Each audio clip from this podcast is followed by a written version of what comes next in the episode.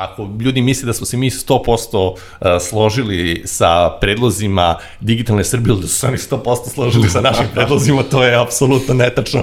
Jer to su bili pregovori da bi se došlo do kompromisa, do rešenja gde će da se zastupaju interes, njihovi interesi i naši interesi.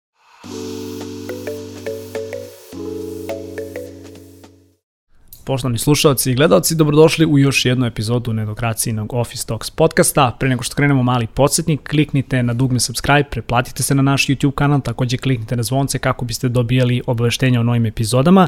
Office Talks podcast možete pratiti i na audio platformama Google Podcast, Apple Podcast, Spotify i Deezer, linkovi su u opisu, tamo pronađite više informacija. A moji današnji gosti su Nikola Milojević i Dušan Dević iz Digitalne zajednice. Momci, dobrodošli. Ćao. Bolje vas našli, ćao. A, evo, pričali smo zapravo pre par nedelja o ovom nekom novom predlogu ovaj, s kojim se da kažem izašli i vi i Digitalna Srbija negde, negde ovako u tandemu, pričat ćemo svakako danas o tome, ali mi je negde ideja bila hajde da zapravo ono, osvetlimo malo digitalnu zajednicu, da vidimo zapravo čime se, čime se ovo održenje bavi. Uh, a, kako je zapravo nastalo generalno koja je neka vaša ono uloga danas i, i koje su da kažem na kraju dana ono koja vaša zalaganja, za što se zalažete, ono na kraju dana i čiji interese zastupate. A, kako je zapravo nastala digitalna zajednica? Ja se sećam da je ona da je još pre par godina ovako inicijalno ponikla i zajednice baš ovako kao ono totalni grassroot ovaj, pokret, ali koja je, koja je priča digitalne zajednice tad, a, a koja je danas? E, pa digitalna zajednica je e, nastala maltene kao reakcija na uvođenje testa samostalnosti. E, to je bilo krajem 2019. godine. I samim tim krenuli smo u razradu oko testa samostalnosti, kriterijuma i svega ostalog. Tada je do sada smo promenili tri, da kažemo, upravna odbora, mi smo treća garnitura, E, to se desilo u februaru, e, sad smo članovi, dakle, Dušan, Dušan Dević, e, član upravnog odbora, e, Nikola Milović LTA, predsjednik upravnog odbora i Sofija Popara, isto član upravnog odbora i imamo e, takozvano nezvaničnog potparola Minus Imić, koja najviše radi i na analizi tržišta i sve te ankete koje smo do sada radili na osnovu koga smo, kojih smo radili kriterijume. Koga zastupamo? Pa zastupamo uh, pojedince, male firme, preduzetnike, uh, bivše paušalce koje su prešli na deo i firme, pa ajde da kažemo do 30 ljudi. Znači, manji, manji IT generalno. Da. Tako je, tako je. Uh, mali, mali čovek, što bi rekli. da.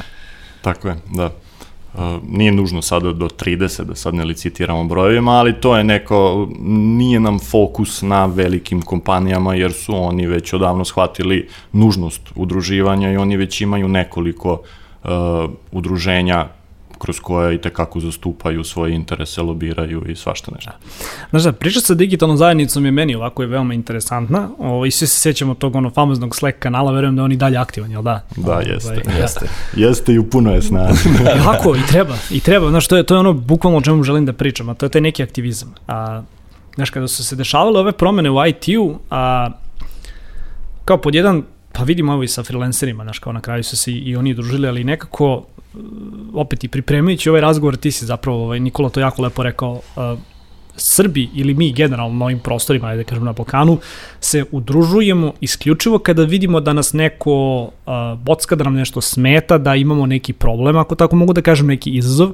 Nikako se ne udružujemo pre toga, da li da razmenjujemo iskustvo. Nekako u, na tržištu uglavnom nastupamo pojedinačno ili kao firmi ili baš kao, kao puki pojedinci. Uh, Hoću malo da popričamo o tom nekom ono, aktivizmu uh -huh. u mhm. IT-u, jer mislim da se on i dalje ne razvija dovoljno brzo, kao drago mi da postoje neke inicijative, ali svakako želim da skrenem pažnju ljudima na kraju dana koji gledaju ovaj podcast i koji slušaju da treba da se uključe što u digitalnu zajednicu, što možda u neka druga ovaj, udruženja koje, za koje vide da, da zastupaju njihove interese.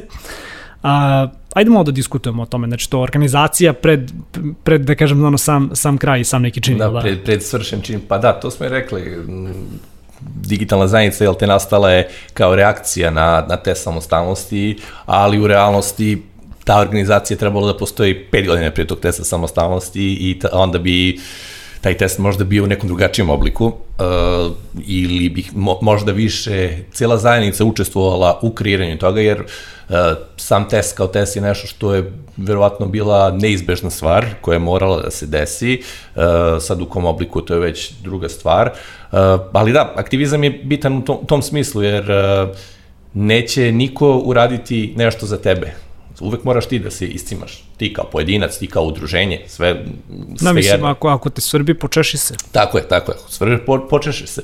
Uh, poenta je što čak i kada postoje udruženje, uh, ljudi koji nisu članovi udruženja imaju jače mišljenje od oni koji su u udruženju. Uh, I mislim da bi ta energija tih ljudi mogla bolje da se iskoristi u smislu da li udruživanje u nekom novom udruženju, da li učlanjenje u neko udruženje pa da, da promene neke stvari, da proguraju svoje ideje, jednostavno svako ima drugačiji stav, Dušan i ja smo, ajde kažemo, poprilično slični sa stavovima, a opet imamo dosta različite poente sa tim stavovima.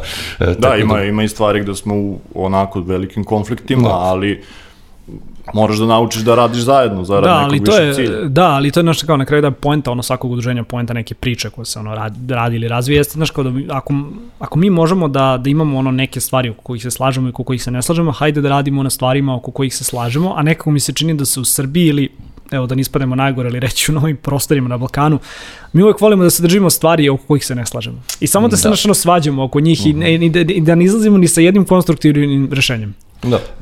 Znaš šta još mora da dodam? Mislim da pojedinci stvarno teško kapiraju tu nužnost udruživanja i, i tog nekog aktivizma, jer ti kad si velika kompanija i kada ti se nameće nešto što ti se ne dopada, e, ti kao velika kompanija pa imaš tu privilegiju da nogom negde otvoriš vrata ili da nekog nazoveš ko je decision maker, šta god, i, i da se na neki način izboriš za svoje interese. E, pojedinci to jednostavno ne mogu da urade Znači, moraš da se udružiš, moraš opet ne možeš da nađeš uh, 5000 ljudi koji jedan kroz jedan imaju iste interese kao i ti. Naravno. Znači, da. moraš da naučiš da napraviš neki kompromis, da nađemo ono najmanji zajednički sadržalac i, i da to guramo dalje. Znači. Da. Reci mi ovaj, kako, kako izgleda zapravo digitalna zajednica danas? Ovaj, ono, koliko ljudi je aktivno nije uključeno u, u vaš rad? Pa, uključeno je, ajde da kažemo, oko 2000 tih supportera. Uh, Nisu svi naravno uh, punopravni članovi, pošto jel te sa novim statutom napravili smo da imamo dva nivoa članstva. Imamo punopravne članove uh, koji jel te plaćaju članarinu, imaju uh, pravo glasanja, učestvuju jel te u radu uh, i imamo te supportere koji jednostavno da su ljudi koji nisu još uvek sigurni da žele da budu punopravni članovi ili jednostavno nemaju vremena ili nemaju ni volja, a hoće da, da budu uključeni u, u priču. To su ljudi koji ne moraju da plaćaju članarinu, bit će uključeni u sva dešavanja, nemaju pravo glasa naravno, uh, ali uh, tu su. I jednostavno mislim da je ta support grupa isto jako bitna, jer ajde, dosta ljudi možda ne, ne želi da se učlani ni u jedno udruženje, stranku i sve to, jednostavno ima, ima ljudi koji ima to um, predstavlja neku neprijatnost ili, da kažem, postavljanje na, na radar. E, isto tako, uključili smo i, i donacije, e, jer jednostavno ima ljudi koji nemaju vremena uopšte, neće da se učlanjuju, a hoće da podrže rad uh, sa samim donacijama. I smatram da je to poprilično korektno ako neko samo kaže, ej ljudi, ja stvarno nemam vremena za ovo, niti me zanima da se nešto preterano uključujem, ali hoću da podržim vaš rad, jer dosta stvari koje radimo, savjetnici i tako dalje, košta. To se košta na kraju. Naravno, da. naravno. Nije to sve uh, nula dinara, a ni Duša, ni ja, ni Sofija uh, nismo tu zbog uh, novca, poprilično smo ostvareni u našim karijerama, imamo posla preko glave, uh, da bismo novac i neke kontakte uh, zarađivali kroz digitalnu zajednicu i kroz ovaj aktivizam. Koji je, koja je cena tog članstva? Ajde, negde ono sad kao javno kažemo ovde ono, u podcastu. Cena je simbolična, cena je 3000 dinara za 6 meseci, znači stvarno to je, to je neka privremena odluka koja je i dalje na snazi i mi imamo neke vizije u kom pravcu to može da ide u budućnosti, ali opet zavisi od broja tih suportera i od broja ljudi koji su voljni da se aktivno u to uključe. Uh, za sada sve funkcioniše po principu uh, volontiranja i okej okay nam je da to bude tako zaista, ali e, dugoročno nismo, kako da kažem, nismo želeli da opterećujemo ljude kao neke druge organizacije, na primer DSI, gde, gde, gde su članarine onako ozbiljno, ozbiljno Da, drugačije- velike cifre. drugačije struktura ljudi koji- drugačije Da, da, koncept, članovi, da. da, da, da. Ovaj, Tako da kažem, ovo, a kad Nikola pomene da nisu platili članarinu, znaš, to je, to je ono stvarno simboličan moment da nekome daš podršku kroz, uh, kroz eto, iznos. Pa ništa, pazi, morat ću onda malo da skrenem pažnju za, za naše ovaj, slušalce i gledalce, znači bukvalno zvučim kovanja Bulić, ali ovaj, znaš, mislim, na kraju dana, znaš, ono, ko želi da se neči, ono, ko želi da se njegov interes zaštite, ok da negde, znaš, ono, budeš uključen u zajednicu, ali uz takav, ono, zaista simboličan doprinos, mislim da i više nego, i više nego, ok, da imate na kraju dana, ono, više plaćenih ovaj, članova koji, koji vas, ono, suportuju, da li kroz donacije, da li kroz šansa, tako da, eto, kao, ono, ako ništa, ono, javni, javni poziv za, za tu stvar. Hvala na Hvala. tome i mislim poenta je da smo mi čak uključili ljude koji nisu članovi udruženja uh, u neke interne radne grupe. Um, tu možemo i kasnije da pričamo o tome kada se dotaknemo te teme freelancera i svega ostalog, ali dosta ljudi je uključeno u interne radne grupe koji nisu članovi, nisu ni supporteri, uh, a uključeni su u to jer jednostavno želimo da svi učestvuju jer uh, moj argument, dušan argument i drugi argument nisu isti i uh, što više ljudi uključimo možemo da, da napravimo širu sliku i da bolje odradimo na kraju taj zakon ili Ali zakone. i što više ljudi iz različitih oblasti. Tako je, Da. da. tako je, to je poenta. Sad kad to pominjemo, ovaj, kao negde i poente iza današnje emisije jeste da popričamo o ovom novom predlogu koji ste, da kažem, radili vi i uh, inicijativa Digitalna Srbija. Uh, što je zapravo bilo u startu i super videti. Ovaj, ja znam da sam mi se ti i Nebojša javili ovo inicijalno kad sam ja bio na odmoru, pa sam vas da kažem možda malo i, i odjebao u tom trenutku, izvini zbog toga, ali ovaj, e, čovjek kad je na odmoru ne, ne želi da radi. Tako je treba. Ali ovaj, na kraju dana super je stvar zato što smo videli naš ono kao jednu organizaciju koja stvarno zastupa neki više ono strateški interes i drugu organizaciju koja na kraju dana ono treba da predstavlja ono community organizaciju, dakle organizaciju ono svih ljudi negde nas kao pojedinaca ili manjih firmi da su udružile i predstavile po mom mišljenju jedan zaista konkretan predlog koji negde uzima u obzir sve te neke promene koje se aktivno dešavaju ovde u srpskom IT-u, ako tako mogu da izrazim, ali i neke strahove ljudi koji su eto bili paušalci pa su se sada da kažem prebacili u DOO, možda neki manji timovi ili šta god koji dalje dakle koriste poreske olakšice, ali se isto tako pitaju ok, e, godina je korona krize, malo mi se posao, mm -hmm. to jest obim posla je opao, šta će biti nakon te tri godine da, da opet da kažem izašlo se i sa tim predlogom koji bi ako se ne varam uskoro zapravo treba da, da ovaj, izađe pre skupštinu ili da bude usvojen. A, I kao dobar je predlog u tom smislu, ono, odgovara na mnoge na mnoge neke nedumice ovaj, ljudi koji su, da kažem, zahvaćeni prosto tim eto globalnim promenama, a i generalno ljudi u IT-u, ali i daje neke jako cool i konkretne predloge za firme koje žele zaista da zad- zadrže to neko ono intelektualnu svojinu i taj neki ono kreativni moment ovde u Srbiji, da imaju dodatne posticaje da se proizvodi i usluge razvijaju upravo ovde. Pa šta mi možete negde reći zapravo o samom predlogu, kako uopšte došlo do saradnje vas i, i, i DSI na, na ovoj materiji? Viš ti, ajde. E, pa, e, DSI je, ka, je de facto uh, najjača IT organizacija u zemlji. Mislim, to je poprilično jasno svima.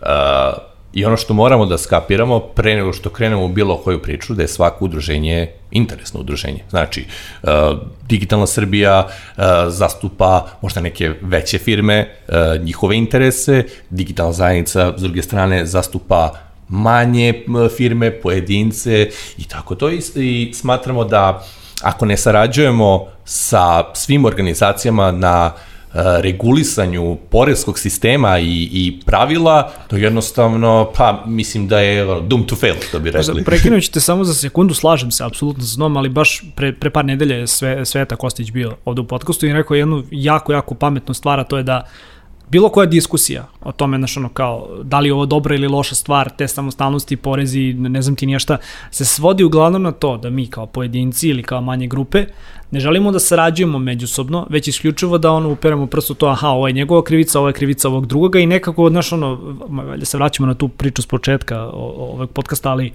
nema tog nekog ono zajedničkog prožimanja, nema naš te neke ono konkretne diskusije i ovo je zaista evo prvi put da vidimo da su ono dve IT organizacije sele i iznale zajednički jedan predlog. Pa da, mislim, uh, ako se pogleda i reakcija na taj pre, uh, predlog i, i od cele, kažem, šire javnosti, većina ljudi nije napadalo niti predlog, uh -huh. niti stavke u tom predlogu, već saradnju digitalne Srbije i digitalne zajednice. Što smo malte ne i očekivali, s obzirom na neku pređašnju istoriju, sa testom samostalnosti, e, sa prethodnim ljudima i sve to, ali e, mislim da sve ovo pokazuje neku zrelost ljudi koji su tu, e, da rade na nečemu.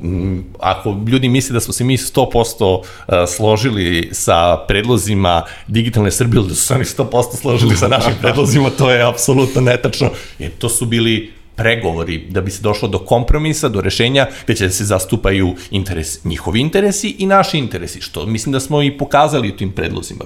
Apsolutno, da. Jer, ovaj, nije to uopšte jednostavan posao, znaš, sad da se mi dogovaramo oko nečega što je no-brainer, pa da onda gura to svako na svoj način. Ovo je, o, o, ovde vrlo lako dođeš do sukoba interesa, jer samo kada pogledaš strukturu članova... Mislim, delikatan je posao. De, jako je delikatan i, i na momente neprijatan, ali jer mi imamo i dalje neke razlike koje stoje od ranije i ja stvarno moram da naglasim to jer valjda nije dovoljno jasno mi uh, i dalje mrzimo test samostalnosti i dalje mislimo da je to uh, loša stvar u ovoj formi u kojoj je sada, znači ne nužno da je loša stvar postojanje tako, ne, tako nečega u našem poreskom sistemu, jer postoji u drugim zemljama, ima zemalja i gde, gde ga nema, ali generalno koncept je u redu, implementacija ne valja. Da. I uh, dok oni imaju skroz suprotno mišljenje i tu je, znaš, tu onda jako brzo ti dođeš uh, do nekih konflikta u mišljenjima i to je već problem. Onda onda idemo rog u rog, pa ko je jači, znaš. Da. A, ovaj, ali smo shvatili jednostavno do saradnje je došlo jer, jer smo čuli da i oni imaju neki, spremaju neki paket mera i ranije kada smo pričali sa njima još pre godinu, godinu i po dana, Inicijalno je bilo dogovoreno, ajde kao da šutnemo konzervu sad tri godine sa ovim olakšicama, pa da odmah krenemo da radimo za dalje, da vidimo, da vidimo šta nam je činiti. Znaš, i onda smo uh, seli sa njima, ukrstili to što imamo mi, ukrstili što imaju oni i kao komplementarno je, znaš, nije u konfliktu to što oni rade nešto za startupe, za investitore, za velike kompanije, e, što su uočili i oni u svom radu neke probleme koje mi ne možemo, jer ti kad hoćeš da prodaš intelektualnu svojinu, moraš da platiš neki porez na kapitalnu dobit, pa je to, znaš kako to kod nas kreće, sad ti imaš uh, paušalno registr, mislim ljude koji su registrovani kao paušalni, e, paušalno porezovani preduzetnici, pa imaš neke neformalne grupe koji čak nemaju nikakvu, uh, nemaju ni pravno lice, ništa. Nije, znaš, nije regulisano. Da, da nije regulisano, znaš, i onda, i onda ti uspeš, nađeš investitora, nađeš da se dobro prodaš i bam, sačekate porez na kapitalnu dobit, a ovo ti je totalno neuređeno, znaš, i, i, i, i za to saznaš, u momentu kada više ne možeš to tako lako da promeniš i šta onda sleduje? Sleduje da moraš mnogo više poreza da platiš nego što bi morao samo da si neke stvari uradio drugačije u početku. Optimizacija. Da. Uh, i, I tako neki predlozi stvarno ne mogu da budu loši.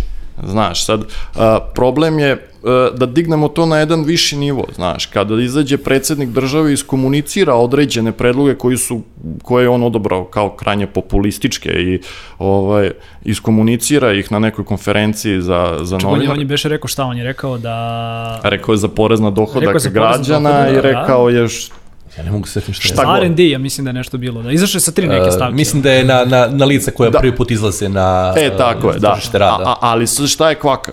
Ljudi nisu uopšte razumeli suštinu predloga. Ljudi koji su to komentarisali, pljuvali, uopšte ne znaju šta je porez na dohodak građana i ovaj napadali su to što je rekao i, i to i to pazi, ne samo ono random osobe sa Twittera, neki političari, ono napadali su to zato, samo zato što je to rekao predsednik. Vučić. Nije, uopšte da. nije ulaženo, niko nije ušao u suštinu, da, rekao, čekaj, da. o, ovo ne mora nužno da bude loše. Mislim, odmah da disclaimer, Uh, apsolutno nisam ovaj, ni, ni član, ni simpatizer, ni bilo šta ono, vladajuće partije, šta više sve suprotno, ali Uh, nemam problem da kažem kada je nešto ok i kada nešto nije ok. Da. To je generalno, da ću da kažem, problem opozicije. Kao svi mi smo ovde neka opozicija, jel da? Da, da. Ovaj, kao ne, nemamo neke političke afinitete prema vladi, vladajućoj ovaj, partiji, ali kao kada pogledaš, uh, imaš manje afinitete prema ono, opoziciji, koje je sve što ovi kažu, ovi moraju da budu ono potpuno suprotno. E, Znaš kao, nebo je plavo. Nije. E, to je, to je uh, populizam na populizam. Da, da. Što je pogrešno, jel te? A ne, a ne samo što je kao moralno pogrešno, nego što, znaš, ono kao, već, već dugo godina stojimo u mestu i kao jedan od, od velikih problema zašto smo se i našli u situaciji da se ove stvari u 2000, ono, 19. 20. i 21. uređuju, jeste zato što pre toga se niko time nije bavio. Da, mislim, ostavljeno je na milost i nemilost i onda kada se Znaš, nešto desi... Znaš šta ja mislim da je problem kod nas generalno? Zato što smo navikli da sve radimo na neku prečicu i na neku foru. Na foru, i, da. Da, i, da. I, i, i pazi sad, svi Imam znamo, ja da nam, e, svi znamo da nam je taj, pazi, naš porezki sistem zahteva apsolutno ozbiljnu reorganizaciju i to ne bih sad ja Kao, da pričam o tome. Eto, jedna stvar oko kojih se sva trojica slažu. Da, da, ovaj, nije ništa sporno, ali niko neće sad da se iscima oko toga, da pokrene neku inicijativu, da, da se radi aktivno na tome, da se napravi neki plan, da bude ne, nešto izvesno za narednih 2, 3, 5, 10 godina. Ne, mnogo je lakše platiti taj paušalni porez od, ne znam, 30.000 dinara plus minus i da te boli uvo, znaš. Da. I isto tako, niko neće da napada uh, po meni ipak visok uh, namet na poreze i doprinose, da kažemo sad, ajde, ima doprinosi za socijalno osiguranje, pa uh, penzije koje je što da jednim imenom to nazovemo nameti, ovaj, niko neće da napada visok uh, nivo nameta na, na plate, zato što je mnogo lakše konvertirati, znaš, ono, radnik minimalac, minimalac konvertica da, da. i ono. Mi imamo fenomenalnu jednu stvar, a to je da je po zvaničnim statistikama uh, privatni sektor je manje plaćen od državnog sektora, što je apsolutno nerealno i svi, i svi znamo da to nije baš tačno, ali, ali ono, u, u državnom sektoru ti to, tog oblika plaćanja nema. Ima neke korupcije, ima neke druge stvari, ajde se ne bavimo time, ali uh, meni nije jasno uh, kako niko ne krene da, da ganja te firme ovaj, koje imaju 30, 50, 100 zaposlenih i sve i jedan dobija platu na kovertu. Znaš, kako ti napuniš te koverte zato što uh, jako je teško izvući novac uh, sa, sa računa firme, možda zato što taj račun, taj, taj novac nikad ni ne dođe na račun firme, da. znaš, i to su, to, to su sad ozbiljne kategorije privrednog kriminala, a, a niko, ne, niko ovaj, to funkcioniše tako i to, to je toliko da. ušlo u, u sistem da, da ljudi jednostavno smetnu je, suma, to je znaš zapravo, da je to. Da, to ti je sad ono zapravo krovno pitanje, a, si znaš kao, kola ukoliko su M dovoljno mator, M dovoljno pokvarena, osiguravajuća kuća dođe i kaže, znaš šta, škartiraj ovo, evo isplatit ćemo ti novac, znaš, kupuj nova. E, isto tako, znaš, da si daću jako loš primjer, ali znaš, ne, nešto što je toliko trulo, što je van ono mogućnosti popravke se uglavnom ono baca i, i menja nečim novim. Sad, malo je zajebano što ne možeš kao baš poreski sistem i ono jedno društvo da obaciš, iako bi mnogi rekli da, da smo ono kao davno za, za škartiranje, ali ja smatram da apsolutno nismo, da samo treba ono malo da se ozbiljimo oko nekih stvari, ali uh, upravo to. Mislim da konstantno se diskusija svodi ono među ono, ljudima kao u toj nekoj zajednici, da ne kažem ono, na Twitteru ili na, na Redditu, mislim da se konstantno diskusija svodi na to da li je neko nekoga i na koji način zajebao, a da niko zapravo ne želi da naš ono odmakne korak nazad i da sagleda ono neke realne stvari koje možda i nisu toliko prijatne. Širu znaš, sliku. Pa širu to sliku. Je... Znaš kao, sa, sa te smo samostalnosti, znaš kao, gomila ljudi je negde bila onako lično pogođena time. Da, naš ef, efekt, e, ono, lični efekat si osetio.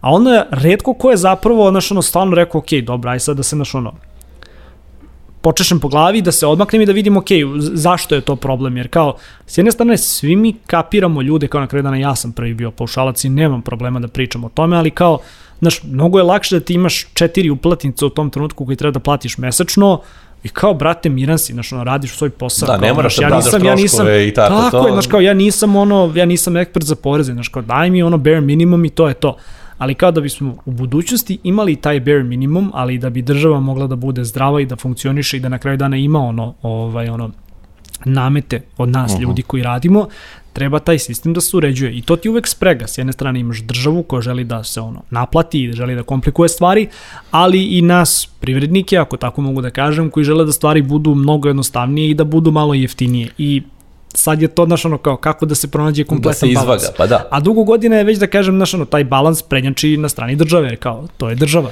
Jes, mislim, e, ja samo moram da se vratim na ovo što je Dušan rekao, ono, kao, mrzimo te samostalnosti. E, jaka je reč i poprilično je tačna, samo zato što je čak i posle ovog upustva od 1.223 stranice, koji ti treba onako solidno vremena da ga pročitaš i da, da, da skapiraš, Uh, ni samo upustvo nije dovoljno jasno ili je dovoljno jasno, ali u nekom smislu je, je besmisleno, kako to do, uh, tako dobro zvuči. Uh, naprimer, imali smo uh, udruženje freelancera i preduzetnika i izašlo s nekim analizama uh -huh. uh, gde su oni uzeli primer jedne osobe koja radi, malte ne radi za jednog stranog poslodavca. Uh -huh. I takva osoba... Nalogodavca. Nalogodavca, molite, izvini, molim te, uh, moram, moram da se držim termina. Nalogodavca. Uh, I ta osoba de facto po uputstvu Uh, za primjenu testa samostalnosti koja je te obavezujuće za uh, poreske inspektore, ta osoba pada taj test samostalnosti. Iako to nije bilo rečeno prilikom uh, uvođenja testa samostalnosti u smislu da je uh, da su teli da spreče zloupotrebu uh, domaćih firmi koje su zapošljavali paušalce kojih ima čak i u članicama drugih organizacija, tako da koji su tako radile, ali okej, okay, takav je bio sistem i svako je koristio ono što je mogo da koristi. Mislim, ako ti dozvoliš čoveku da iskoristi rupu u zakonu, iskoristit će rupu u zakonu. Pazi, ali al, al, znaš kao to je, mislim, svuda se koristi rupa u zakonu. Da, ne, to, je to, okay. to, to, to nije sporno ni malo. Jedna stvar, jedna stvar koja je, znaš, kao, ono, evo, godinu i po dana kasnije, o, i oko te čitave priče, znaš, no, mnoge stvari i to je što na kraju dana i sveta rekao, znaš, kao da je ovo bio problem samo IT industrije, pitanje da li bi se država time bavila, ali, ali ovo je zašlo u jako znaš, u drugi neke industriji postoje jako rasprostranjen problem. Ma naravno. I sad, naravno. nažalost, kada ti uzimaš da rešiš kao taj deo ono, domaćeg problema, de facto si zahvatio i ljude koji koji rade za strane kompanije preko. Pa jeste, I onda si došao u situaciju da imaš to ono one man deo. Pa one man deo, da. mislim ja ja lično znam iz nekoliko primjera da su bile babe programeri e, ljudima, paušalci. Mislim to je neko to pokazuje tu rupu. Gledaj, na kraju dana, na kraju dana programiranje je aktivno za 787. ja, ja se slažem u potpunosti. Samo se vratim na ovo, znači udruženje freelancera i preduzetnika imalo sastanak sa poreskom upravom. Mm E, znači, to je zvaničan sastanak. Ako odete na sajt uh, udruženja freelancer i preduzetnika, vidjet ćete tu, mislim da se osoba u primjeru zvala neka Milica, da, i oni su naveli Milica radi to, to i to, Poreska uprava je rekla da Milica prolazi te samostalnosti. A kada pogledate kriterijume, mi smo objavili maltene demant toga na našem sajtu, gde bukvalno po putstvu padaju sve te kriterijume. I onda dođete do toga uh, da imate mešane informacije. Znači, ako Poreska uprava na zvaničnom sastanku sa udruženjem freelancer preduzetnika, sa bilo kojim udruženjem, da mišljenje da to uh, prolazi, onda će uh, Marko Mudrinić da čuje to u vestima i bit će, e, pa bila Poreska na tom sastanku. Pa to je tako. Ja bih mogao da nastavim da budem preduzetnik. Pet godina kasnije, dolaziti na naplatu koliko novca jako i smatramo, mnogo, da. da. i smatramo da, da, da tu nešto, mora da se, da se definiše da, mnogo bolje dana, to. Na kraju dana mnoge stvari jesu nedefinisane yes, i, to, yes. i to je zapravo kao najveći, najveći, i, najveći strah ljudi pa da, koji, pa koji da. žele da rade u Srbiji nešto, znaš ono, sad da nemaju ogromnu firmu pa da imaš svoje ono poreske ovaj, ono, tako je, tako je. sektore koji će se tim baviti, ali kao ako baš želiš da znaš ono, i budeš mali tim ili da budeš na kraju dana ono, ili freelancer ili konkurent za šta da, god, Znaš, ono, smatramo sad s jedne strane kao treba, znaš, ono, kao, ne možemo ni mi više da budemo toliko zadrti. Ljudi Tako je. imaju mogućnost da imaju fleksibilno okruženje i da rade za, za više poslodavaca u nekom obimu koji njima odgovara i to je potpuno okej. Okay.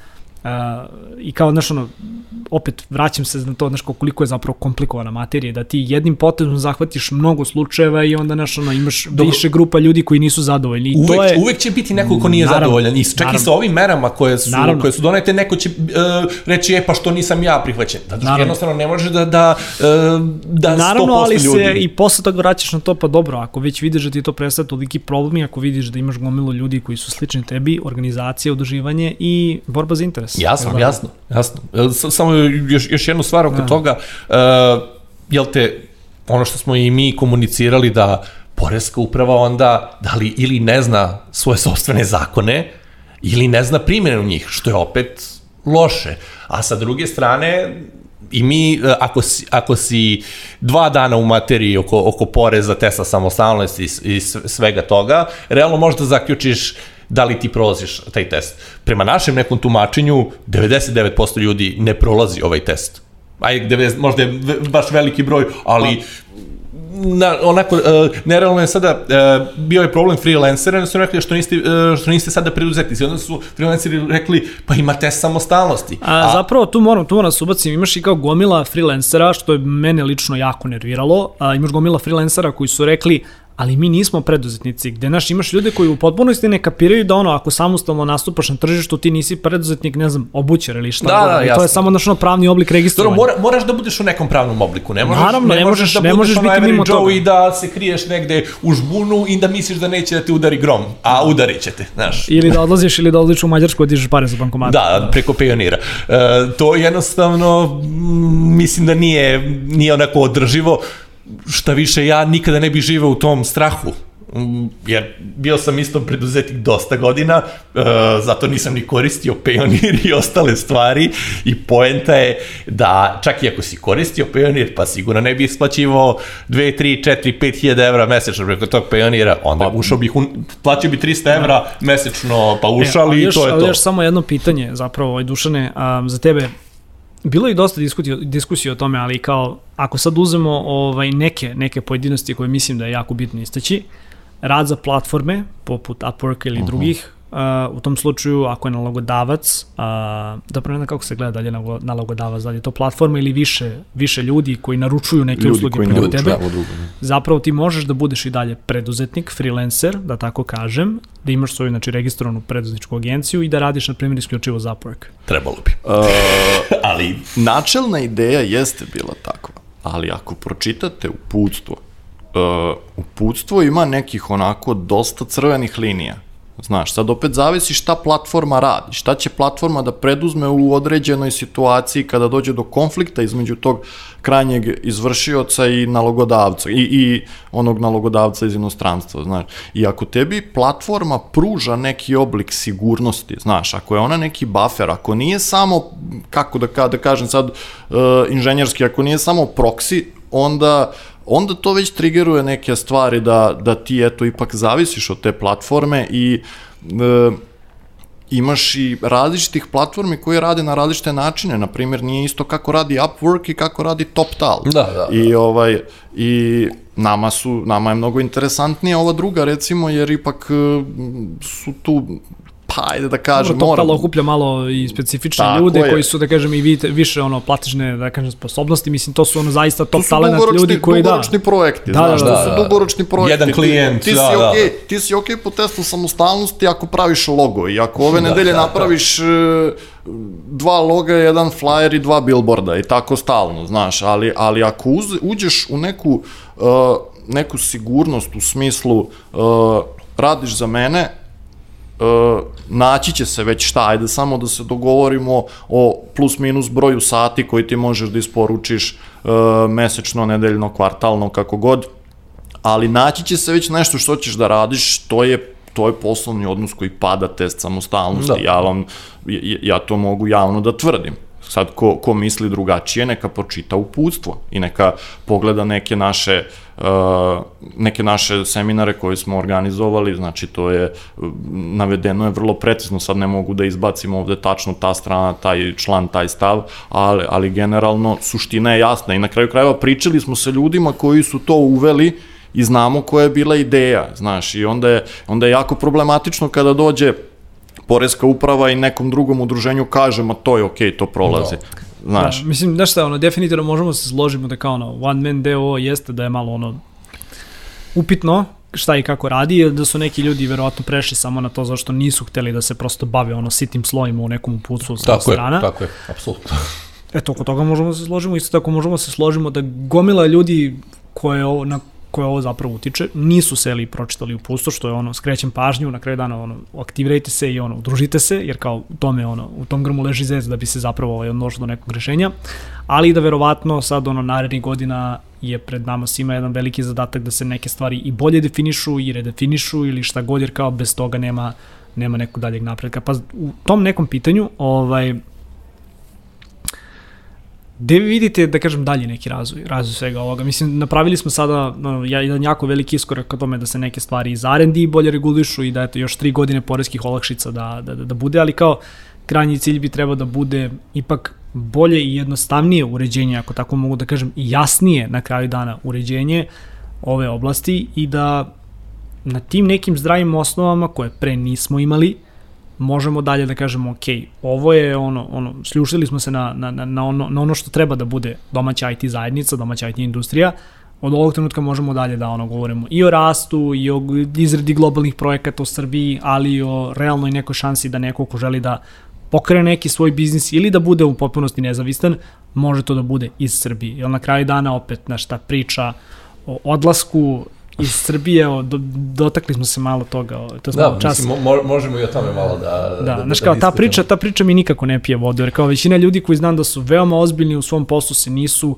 preselili odavde zbog jednog nekog testa samostalnosti ili jedne neke stavke, uglavnom su to ono, skup širih nekih društvenih utica zbog kojeg ljudi ipak odlučuju da promene adresu. E, Ja se slažem sa time jer uh, ako pogledate uh, najveći problem ljudima sa testom samostalnosti i sa prelaženjem na DO, pored naravno tih propisa o kojima ćemo sigurno se e, dotaći, je to što su troškovi jedno dva i po puta veći sa Tako ovim je. olakšicama.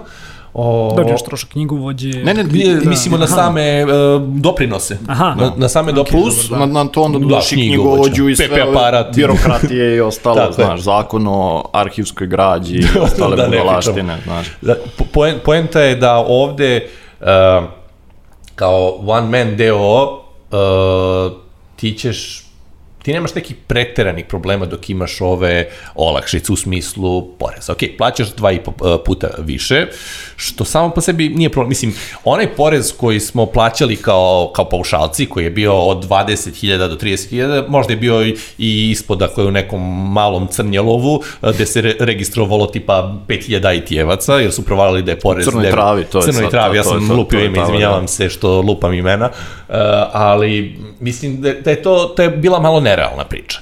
I nije mogla da bude održiva. Nije I to je nešto na kraju dana oko čega opet sva trojica možemo da se složimo. je, mislim, nije, nije održivo da e, čovjek koji zarađuje e, 3000 evra plaća 200 evra poreza. Mislim, to čak nije ni, ni u redu prema, ako pogledamo u nekom e, širem socijalnom smislu. Ni moralno, ni ekonomski nije održivo. Nije, nije, mislim, i, i to, tu se slažemo. Ono što je problem kod One Man DO-a je, to je, su birokratska pravila kao one man deo da treba da imaš uh, PP aparat, uh, protivpožarni plan, uh, arhivsku knjigu, uh, ne znam, ne znam šta je još sve. Apsolutno uh, mislim da idem jedan korak iznad. Uh, mislim da, da ljudi generalno ne bi imali toliko velik problem da su sad rekli za 6201, to jest usluge računarskog programiranja i te neke IT delatnosti, uh, porez se diže, paušalni porez se diže drastično mnogo. I ljudi bi naravno negodovali, to, je- to, Da, to, baš. to je logično, ali bi Ostal, mnogo bi bilo lakše da mi ostavimo da radimo kao preduzetnici, jer ti kad si preduzetnik, to nije drugo lice, to je pravno, formalno, to si i dalje ti, Da, da. ali si se samo registrovao za obavljanje neke privredne delatnosti. I ovaj, ovo je nešto drugo, znaš, ti sada moraš da napraviš bukvalno korporaciju, znaš, Da. mi sada radimo u istoj pravnoj formi u Srbiji u kojoj radi Microsoft, u kojoj radi Nordeus, znaš, to je, uh, mislim, konceptualno mi zvuči pogrešno. Ne mora nužno da bude, ali definitivno ti imaš mnogo više, mnogo više posla koje moraš da se posvetiš i do, to je krajnje e, neoptimalno za ovaj e, za za pojedince. I, a, a nas opet, e, recimo kao kategoriju ljudi koji radimo direktno za, za strane, reći ću namerno poslodavce, jer nemam problema da to kažem, Da. ovaj, e, nas ovde nema ko da zaposli.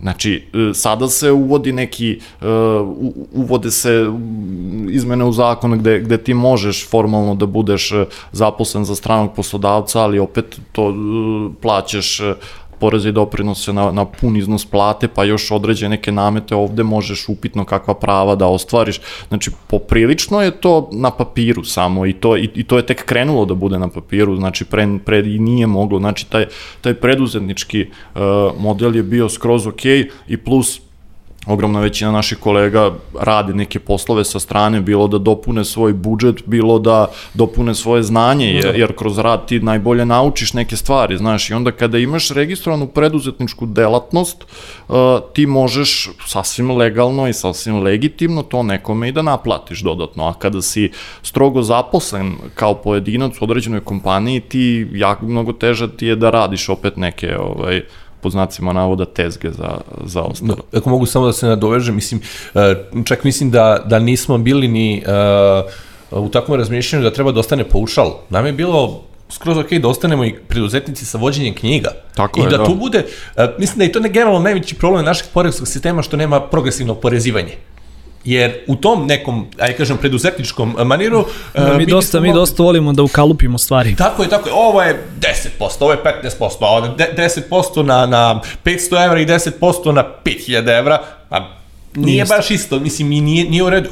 Kako bismo napravili takav progresivni sistem, mislim da bi bilo generalno mnogo lakše, e, što generalno sada i pokušavamo kroz, u radnoj grupi smo oko zakona o fleksibilnim poslovima, e, u toj radnoj grupi su i URI i Udruženje freelancera i preduzetnika i ne znam ko još, to bi trebalo uskoro da krene razrada tog zakona, gde bi moglo da se malo reguliše e, to, ajde kažemo, nije to čak ni pravno lice, mislim, ti radiš za jednog inostranog e, poslodavca, e, da se malo bolje reguliše i da ti jednostavno imaš, ok, ja ću da platim 20% na, na to i ti si miran, mislim miran, platio si svoje u lekom legalnom si okviru, Uh, ja razumem da tu ima problema uh, u smislu zdravstvenog, bolovanja i svega toga, ali na neki način ti si i ušao u rizik uh, time kada radiš za stranog uh, koji nema ovde ispostavu. Mislim, to je Pa da, ali i pazi, lični rizik. Jeste, ali sad, sad ću ja da, da, da, da tu protuvrečim, znači da kažem, neće, Slobodno. nećemo se tu složiti, ali znaš kao, to je, to je po meni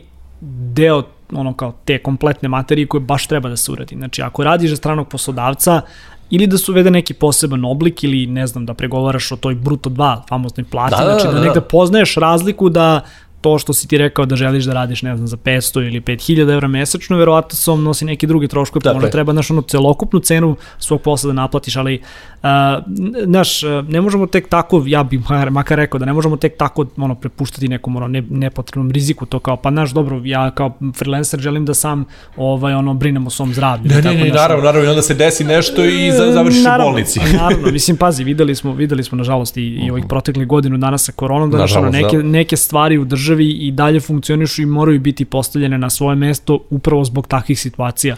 Ali, znaš, ono, sa, sa ovim problemima mislim da se tu ne, ve- već negde što mi je drago na kraju dana otvorila šira diskusija o tome pod jedan kako se finansira državni aparat, iz, ono, od čijih para se lečimo i od čijih para zapravo ljudi primaju penzije. I ako ništa, drago mi je zašto mislim da nakon kompletne ove problematike su ljudi ipak malo postali svesni, a posebno ovaj, na slučaju freelancera, da. su ljudi malo postali svesni da naš, ono, nije baš sve toliko neuređeno, da neka pravila ipak koliko toliko postoje bez obzira što se nisu primjenjivala. Pa, ja, ja se slažem s time, mislim, mi smo čak i pričali interno nešto o tome da uh, za te freelancere i, i za isplaćivanje svega toga, realno mora neki uh, pravni o, oblik. Mislim da u nekim drugim zemljama to i postoji kao neki proksi koji ti, ovo što sam spominjao danas pre razgovora, kao što remote.com radi, da oni, da postoji proksi koji će jednostavno obrađivati sve to za, za tebe. Znači ti mu platiš, ne znam, procent ono Da. koliko mesečno i oni ti uh, rešavaju poreze, uplaćuju doprinos i završavaju za, za tebe. Znači ti imaš nekoga, da li je to uh, pravno lice koje je privatno ili je to neki državni organ, ali smatramo da taj neki oblik bi trebalo da postoji kako bi olakšao ceo taj posao. Jer jednostavno kao freelancer ti Tu, nećeš tu, čak, otići tu čak imaš i mogućnost da ti knjigovođe naše to rade, tako što ćeš ti biti ono kao fizičko lice koje će naravno dobijeti novac i znaš ono, ima neko ko uplaćuje za tebe. I te- naravno, te ali tu, tu ima da. drugi problem sa, sa knjigovođama. Dosta knjigovođa uh, misli da poznaje propise, a ne poznaje. A to je ogroman procenat uh, knjigovođa. Mislim, ne, ne, generalno ne gađam na celu profesiju kao da ne znaju ništa, već su ostali u nekom starijem e, e, vremenu, čak i daju neke savete koji su potpuno suludi i e, nisu, nisu tačni. Mislim, evo kad pogledate koliko je i knjigovođa i advokata za freelancere rekli retroaktivno. A to, Da, mislim to, da, to, to, je, to, to je jako To, problematično. ni, to da. nije retroaktivno. Ne, ne, ne, ulazim sad u priču da li je to ispravno ili neispravno uh, naplaćivanje uh, poreza za prethodnih 5 godina ili koliko već, već ko same te reči retroaktivno i da ti do, dođe 100 knjigovođa kaže "M, k- retroaktivno, a to nije retroaktivno de facto. Ako pročitaš jedan put u životu zakon o radu i o svemu tome, ništa ti to Da, nije to, su, to, su, to su one stvari gde znaš, ono kao, nažalost, djavo je uvek u detaljima. Da, da, pa bukvalno. Znaš, ali, ali mislim, mislim da, pa, znaš, ono, ističemo sad ovde, možda, smo možda čak i previše ovaj, Da, da, da. oduzeli vremena, znaš, da ističemo te neke pojedinačne oduševljati. probleme, ali, ali, znaš, kao, nažalost, koliko god da su ove stvari prodrmale ovaj, čitavu našu zajednicu, mislim da su neki ljudi konačno naš onako se zapitali, ok, ajde da krenemo da, da regulišemo ovde neke stvari i da se na kraju da nam bavimo ovim stvarima, ali pazi, sve ove problemima o kojima smo evo pričali u proteklih sat vremena, a, su i dalje, da kažem, izazovi koje neko mora da reši.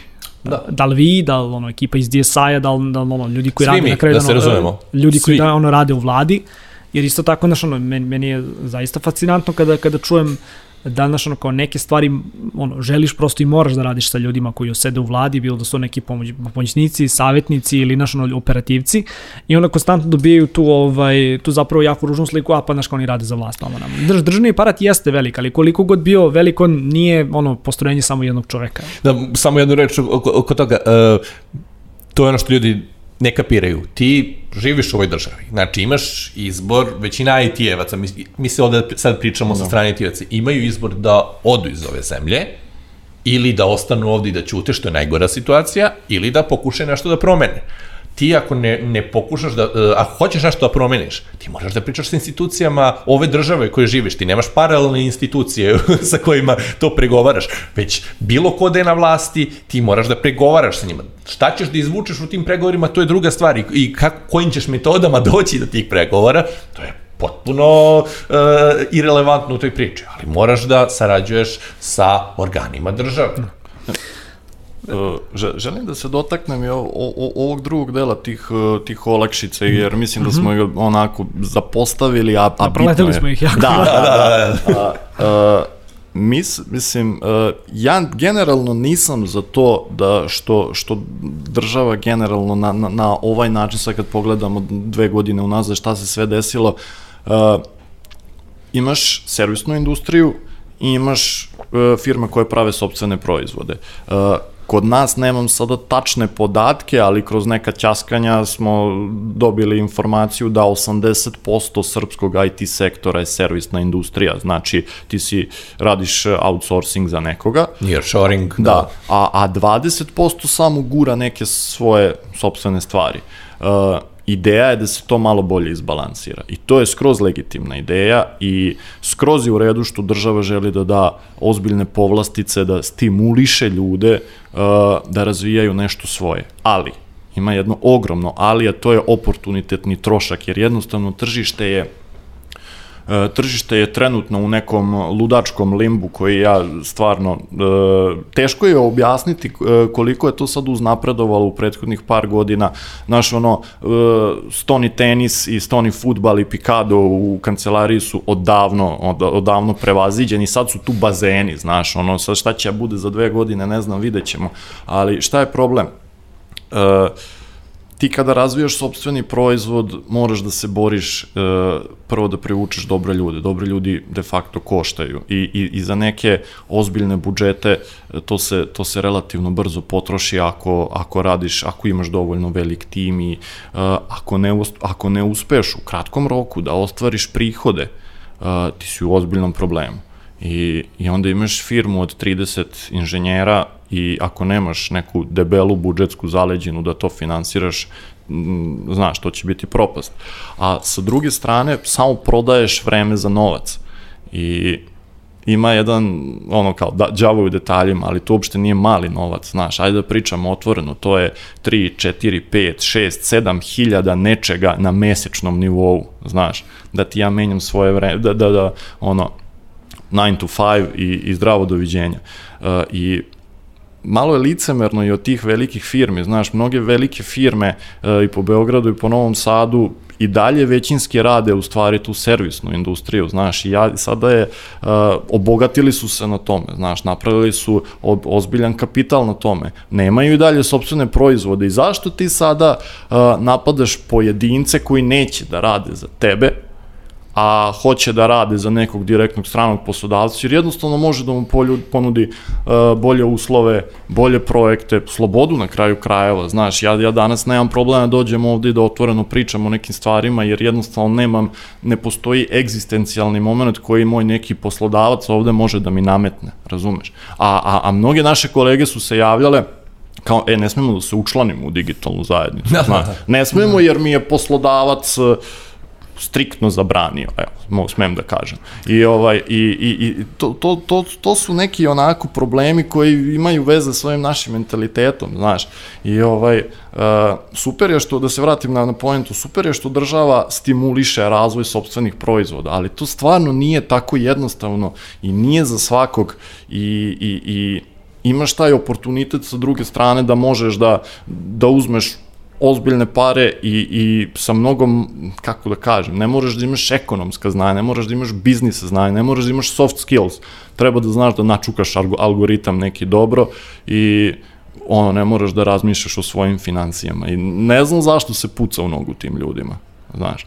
I o, nismo, nismo svi, ono, su, ja, ja sam sa obe strane, znaš, ja konstantno, ja imam, ne znam, pet failovanih startupa, znaš, ali, ovaj, uh, potpuno razumem ljude koji neće da se bave time.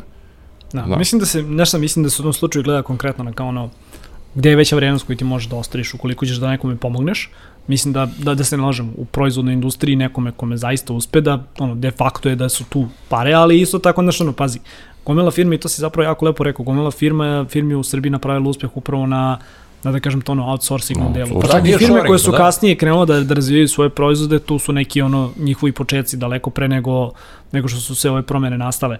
Ali ovaj, znaš ono, nekakav konkretan odgovor, sad opet, znaš, to je prostor za diskusiju. Možda ne čak ni u ovoj epizodi, u nekoj drugoj, ali znaš kao prostor za diskusiju je e, upravo tu da s jedne strane i država negde gleda da zaštiti te kao on, registrovane firme, pa bilo da su velike ili male, tim što će da kaže pa mi želimo prosto naš ono, da vrhunski kadar obezbedimo za domaće firme koje isto tako mogu da ponude i konkurentne Pa uslove. Marko, to je budalaština, A, razumeš? da, to ti, to ti, to ti samo da kažem drugi, to ti je drugi deo tog, ono, te argumentacije Vidi, to oko kojih se ja to- prvi to- slažem da treba imati naš, Vidi, više pogledaj, razgovora. odiš na APR, na većinu tih vrhunskih domaćih firmi i vidjet ćeš uh, da je founder iz Delavera. I država treba da se napi, zapita zašto. Ja razumem zašto. Da, da, svi razumemo zašto. Razumem zašto, znaš, da, ali to je Irska, to je Delaware, to je, znaš, zašto je to tako, znaš. I ovaj, e, kako bih ti rekao, nije, e, nije, nije to sve crno-belo, znaš, istina je negde, negde između, ali e, nije okej nije okej da ne pustiš tržište slobodno. Ajde da izađemo iz IT industrije. Ajde da, da pustimo IT po strani. Inače, sve ove mere se apsolutno ne odnose na IT industriju. Nigde nije navedena šifra delatnosti ili Da. nešto. Znači, Svi mere da su, mere su horizontalne. Znaš, Tako je, za svaku industriju, da. ovaj, neki moji drugari koji se bave farmacijom uh, rade R&D ovde, ostvaruju te... I isto mogu ove Da, poreske tako ovaj, je, tako je, postice da, apsolutno. da ih Svih koriste, 11 tako je. mera. koliko ih ima. Apsolutno, apsolutno, znaš. I ovaj i i i uh, to je to je to, to je skroz okej, ali mm, sad sam izgubio misao. Uh, nije uh, nije u redu. Ne, ne vredi, ovo ćeš me morati iseći sad, sad sam ono, ovaj, skroz, Ok, da, skroz, da, e, mogu da nastavim. Ajde. Uh, ja bih se samo dotakao još jedne stvari, uh, pre nego što malo objasnimo ove naše uh, mere, da kažem. Uh, poenta je da na ovom tržištu, znači ima, imali smo tu, tu sam ja imao konkretnu raspravu sa, sa Svetom jedanput na, na pravnom fakultetu, uh, gde Sveta rekao, možda parafraziram, samo da ne bude da, da citiram, uh, da remote workeri ne doprinose domaćoj privredi. Uh, što na neki način jeste tačno, ali ja ću da objasnim zbog čega nije tačno uh, po, u, u IT svetu. Uh, ti ako radiš za domaćih poslodavca, ok, radiš za domaću firmu, uh, domaća firma se razvija, BDP, sve redno što ide po, po tom pitanju. Sve po PS-u. Tako je, sve po PS-u i to je logično da ti želiš da stimulišeš ljudi koji radi za domaće firme. Ali, uh, mogu da kažem i za, za kolegu, uh, verujem da će da se složi Dušan sa mnom, ni on ni ja nismo konkurentni na srpskom tržištu. Ali ne, nismo konkurentni da, da ne možemo da dobijam posao, već da ne možemo da dobijemo uslove od domaćih firmi koje imamo sa stranim firmama. Da li su to projekti u pitanju, da li je tu u pitanju novac, da li je u pitanju fleksibilnost uh, koju imaš kada radiš remote, uh, jednostavno i samim tim ni on ni ja, a ni dosta drugih, neće raditi za te firme ni u kom slučaju. I što bi ti destimulisao takve ljude sa one man deo i sa celom tom birokratijom? to je ono što pričali, cela ta poreska reforma mora da se desi kako bi uh, bili u korak sa vremenom. To nije čak ni budućnost, to je sadašnjost. Jer uh, ja protekle tri godine radim remote, Dušan čak i više, Dušan on je i, Pa, i život, consulting je radio i sve to uh, on site, ali uh, meni to prija. Nekome ne prija.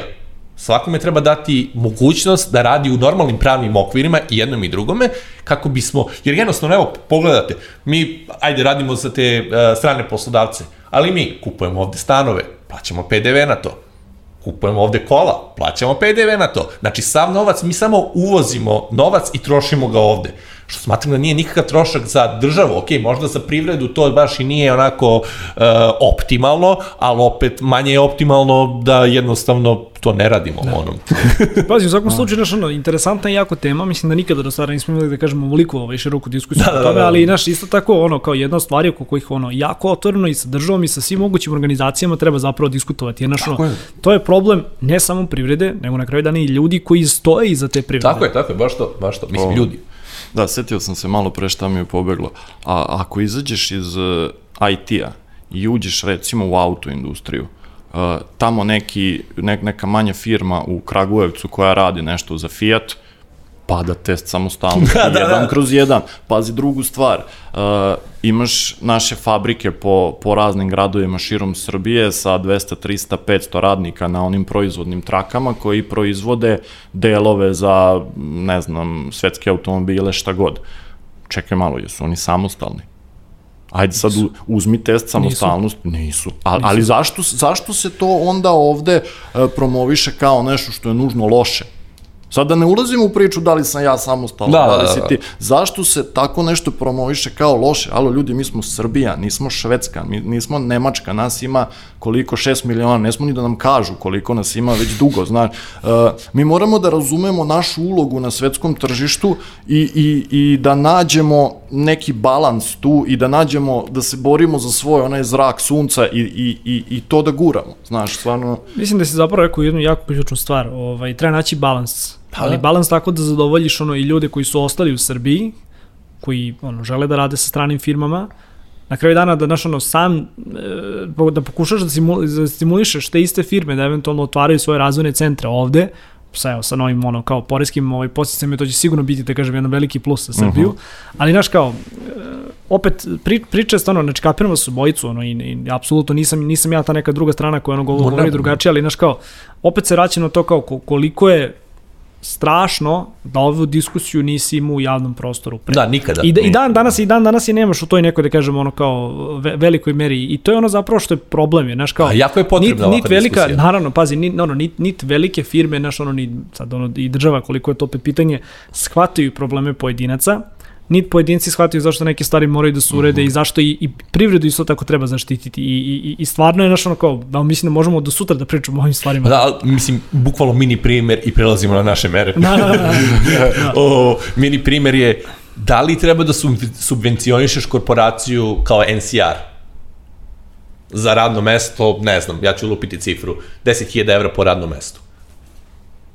Po mišljenju, to je malo onako suludo, jer ti ćeš uh, subvencionisati nekoga ko će dati platu 500 evra nekome, maks, uh, i on će, dakle, on će imati free radno mesto godinama. Šta si ti dobio time?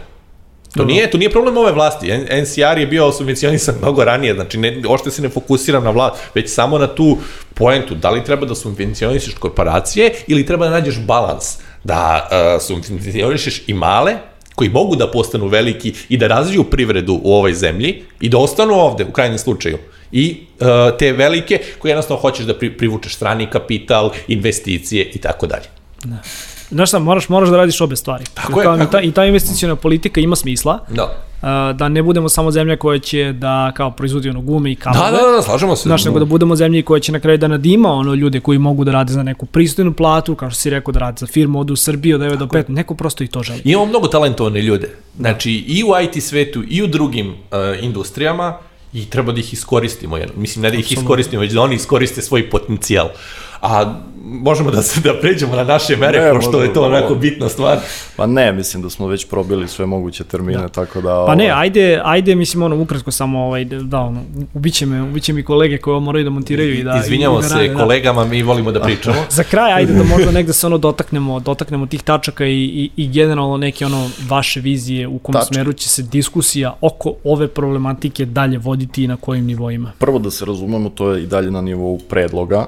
Nije usvojeno, tako da, je, mi smo dobili neke garancije da, mislim, to je već prilagođeno. Naš inicijalni predlog je bio mnogo, mno, mnogo lepši za nas, ali mi smo dobili neke garancije da, da ovo ima jako dobre šanse da prođe, da ima uh, budžet za tako nešto i generalno sad uh, treba da se odrade određene pravne formalnosti u smislu pisanja zakonskih, podzakonskih akata i slično, da prođe procedura skupštinska, ali Uh, mere možete videti na našem sajtu, mislim da je to poprilično jasno, mi smo voljni da odgovaramo na određena pitanja, ako nešto nije jasno da sad ajde ne, ne dužimo ovde o tome, ali uh, ideja jeste da se opet uh, uh, stvori takva poslovna klima da se izbalansira malo taj, ta servisna industrija, razvoj sobstvenih proizvoda i mislim, moram da priznam jednostavno da uh, trenutno su, uh, trenutno postoje vrlo ozbiljni posticaj za razvoj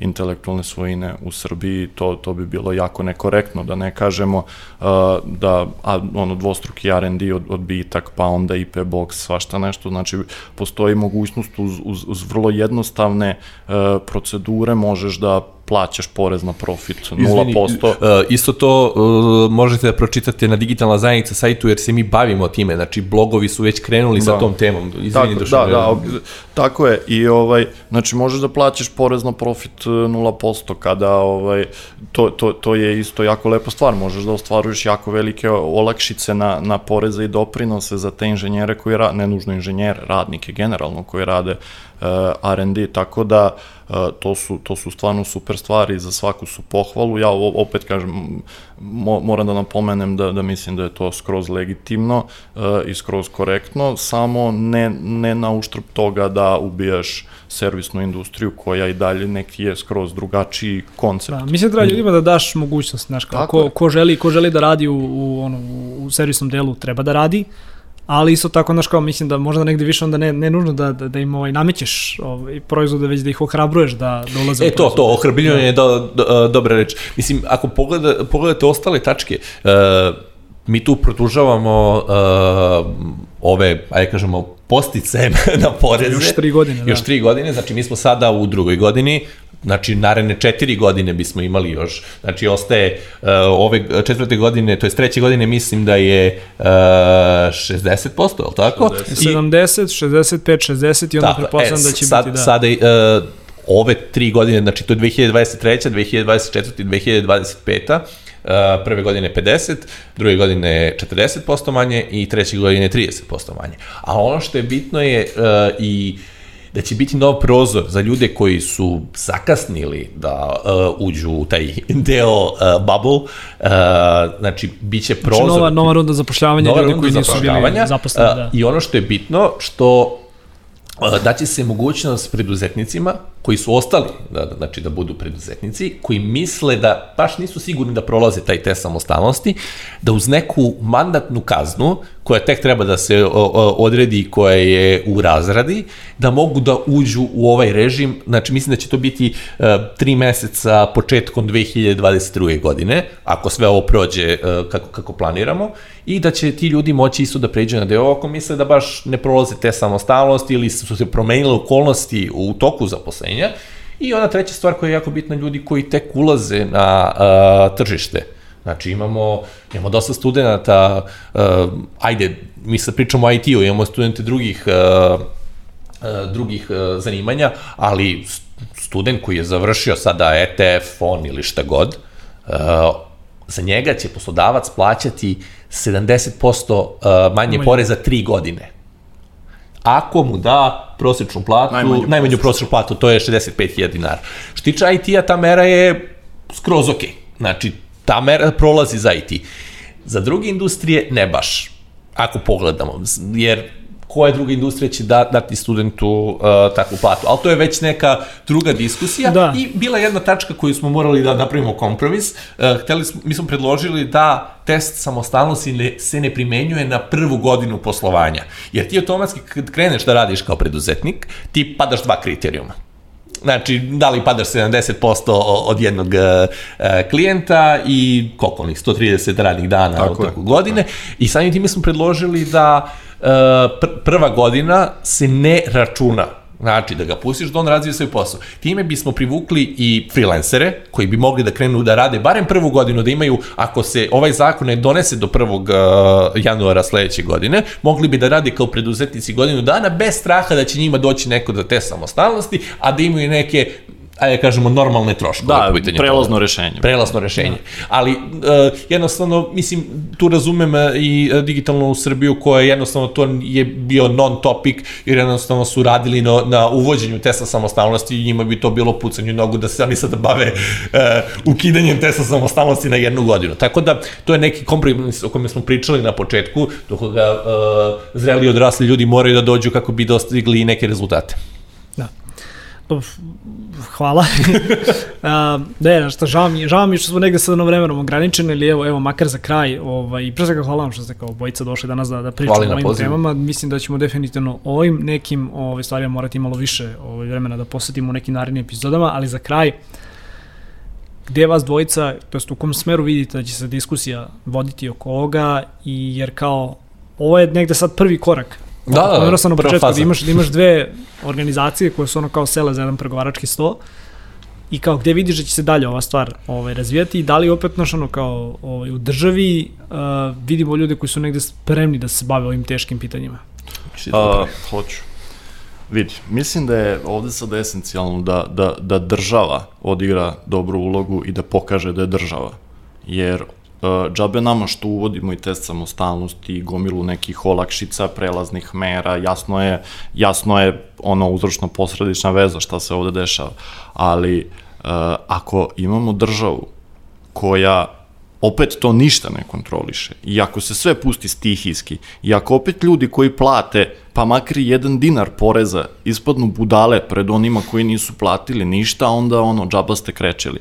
Znači, mora da se, uh, moraju crvene linije da se postave i mora da se zna Moraju jasne crvene. Da, jasne, da vrlo jasne, znaš. Debele crvene. Znači, ne može neko, ne može neko da, uh, da podleže pod 500 zakona i još 10 puta više podzakonskih akata, a neko jednostavno da kaže ja neću da se registrujem ili ja ću da registrujem firmu u, ne znam, Estoniji da. i da me boli uvo, pa vi mene jurite, mislim. E, naravno, govorimo o legalnim i nelegalnim stvarima, ali na kraju dana, ako te ne sačeka sankcija, onda, razumeš, ovaj, e, to je jedna stvar, druga stvar je, ja, ja zaista uh, verujem da će propisi nastaviti da se e, prilagođavaju i osavremenjavaju, jer rekao je profesor Kostić ovde kod tebe da, da, da sve je to pisano mnogo, mnogo davno kada je svet funkcionisao znatno drugačije i to je, to je neki set propisa koji je tada bio skroz odgovarajući, danas više nije.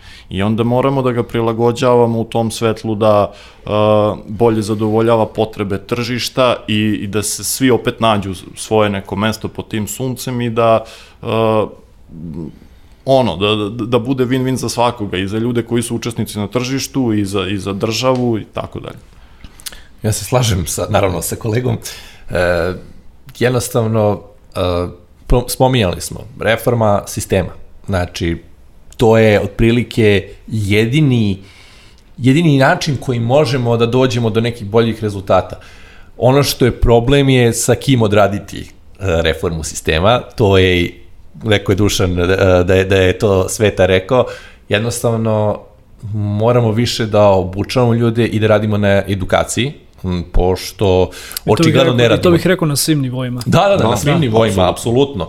I da ljudi budu malo više socijalno svesni, a ne tek kada mi se desi neki problem da reaguju, uh, što smo, jel te, isto rekli, a u smislu uh, daljeg angažovanja i svega toga, mislim, mi imamo poprilično onako lep plan za, za budućnost, šta ćemo pokušati da radimo i sve. Naravno, uh, gde god se pojavi mogućnost da sarađujemo sa nekim organizacijama, to ćemo apsolutno raditi, jer to je bio otprilike u našem manifestu uh, kandidature, pisalo je saradnja sa svim organizacijama gde vidimo naš interes i stojimo iza toga.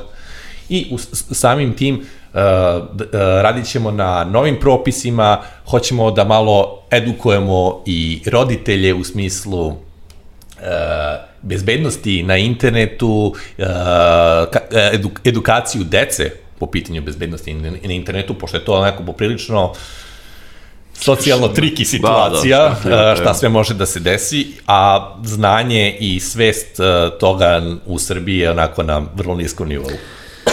Tako da, Da, otprilike, da. um, Pogotovo, pogotovo sa strane roditelja, znaš, kao klinci, Da, da, da, klinci da. su možda negdje svesniji nego roditelja, Da, da, to, da, je, da. to je tek drugi Tako- problem, da. Tako da to, ali generalno više neka reforma ovih poreskih mera uh, u smislu prilagođavanja sadašnjosti i budućnosti.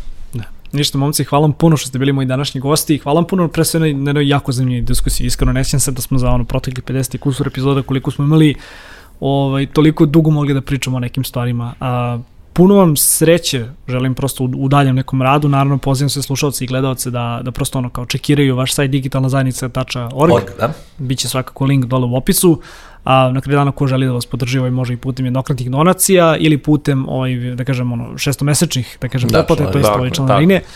Postarat ću se da, da u opisu ovaj, ostavimo sve te stvari i vama još jednom zaista hvala što ste došli danas što smo pričali o ovoj temi i negde pozivam sve prosto koji, koji prate ovaj podcast da se uključe, znači da konačno se malo ovaj, da ono, podignu svoje guze ovaj, sa stolice i da se malo aktiviraju da neke stvari menjaju, jer kao ukoliko mi ili svi članovi koji su pogođeni nekim stvarima prosto ne menjamo ovo, znaš ono, neće se, neće se na kraju dana ništa ni promeniti. Momci, hvala puno Hvala, za hvala vaš na slušalci i gledalci još jednom posljednji pretplatite se na naš YouTube kanal, kliknite na zvonce kako biste dobili obaveštenje o novim epizodama. Office Talks podcast možete pronaći i na audio platformama, više o tome u opisu, toliko od nas, za danas pozdrav i ćao.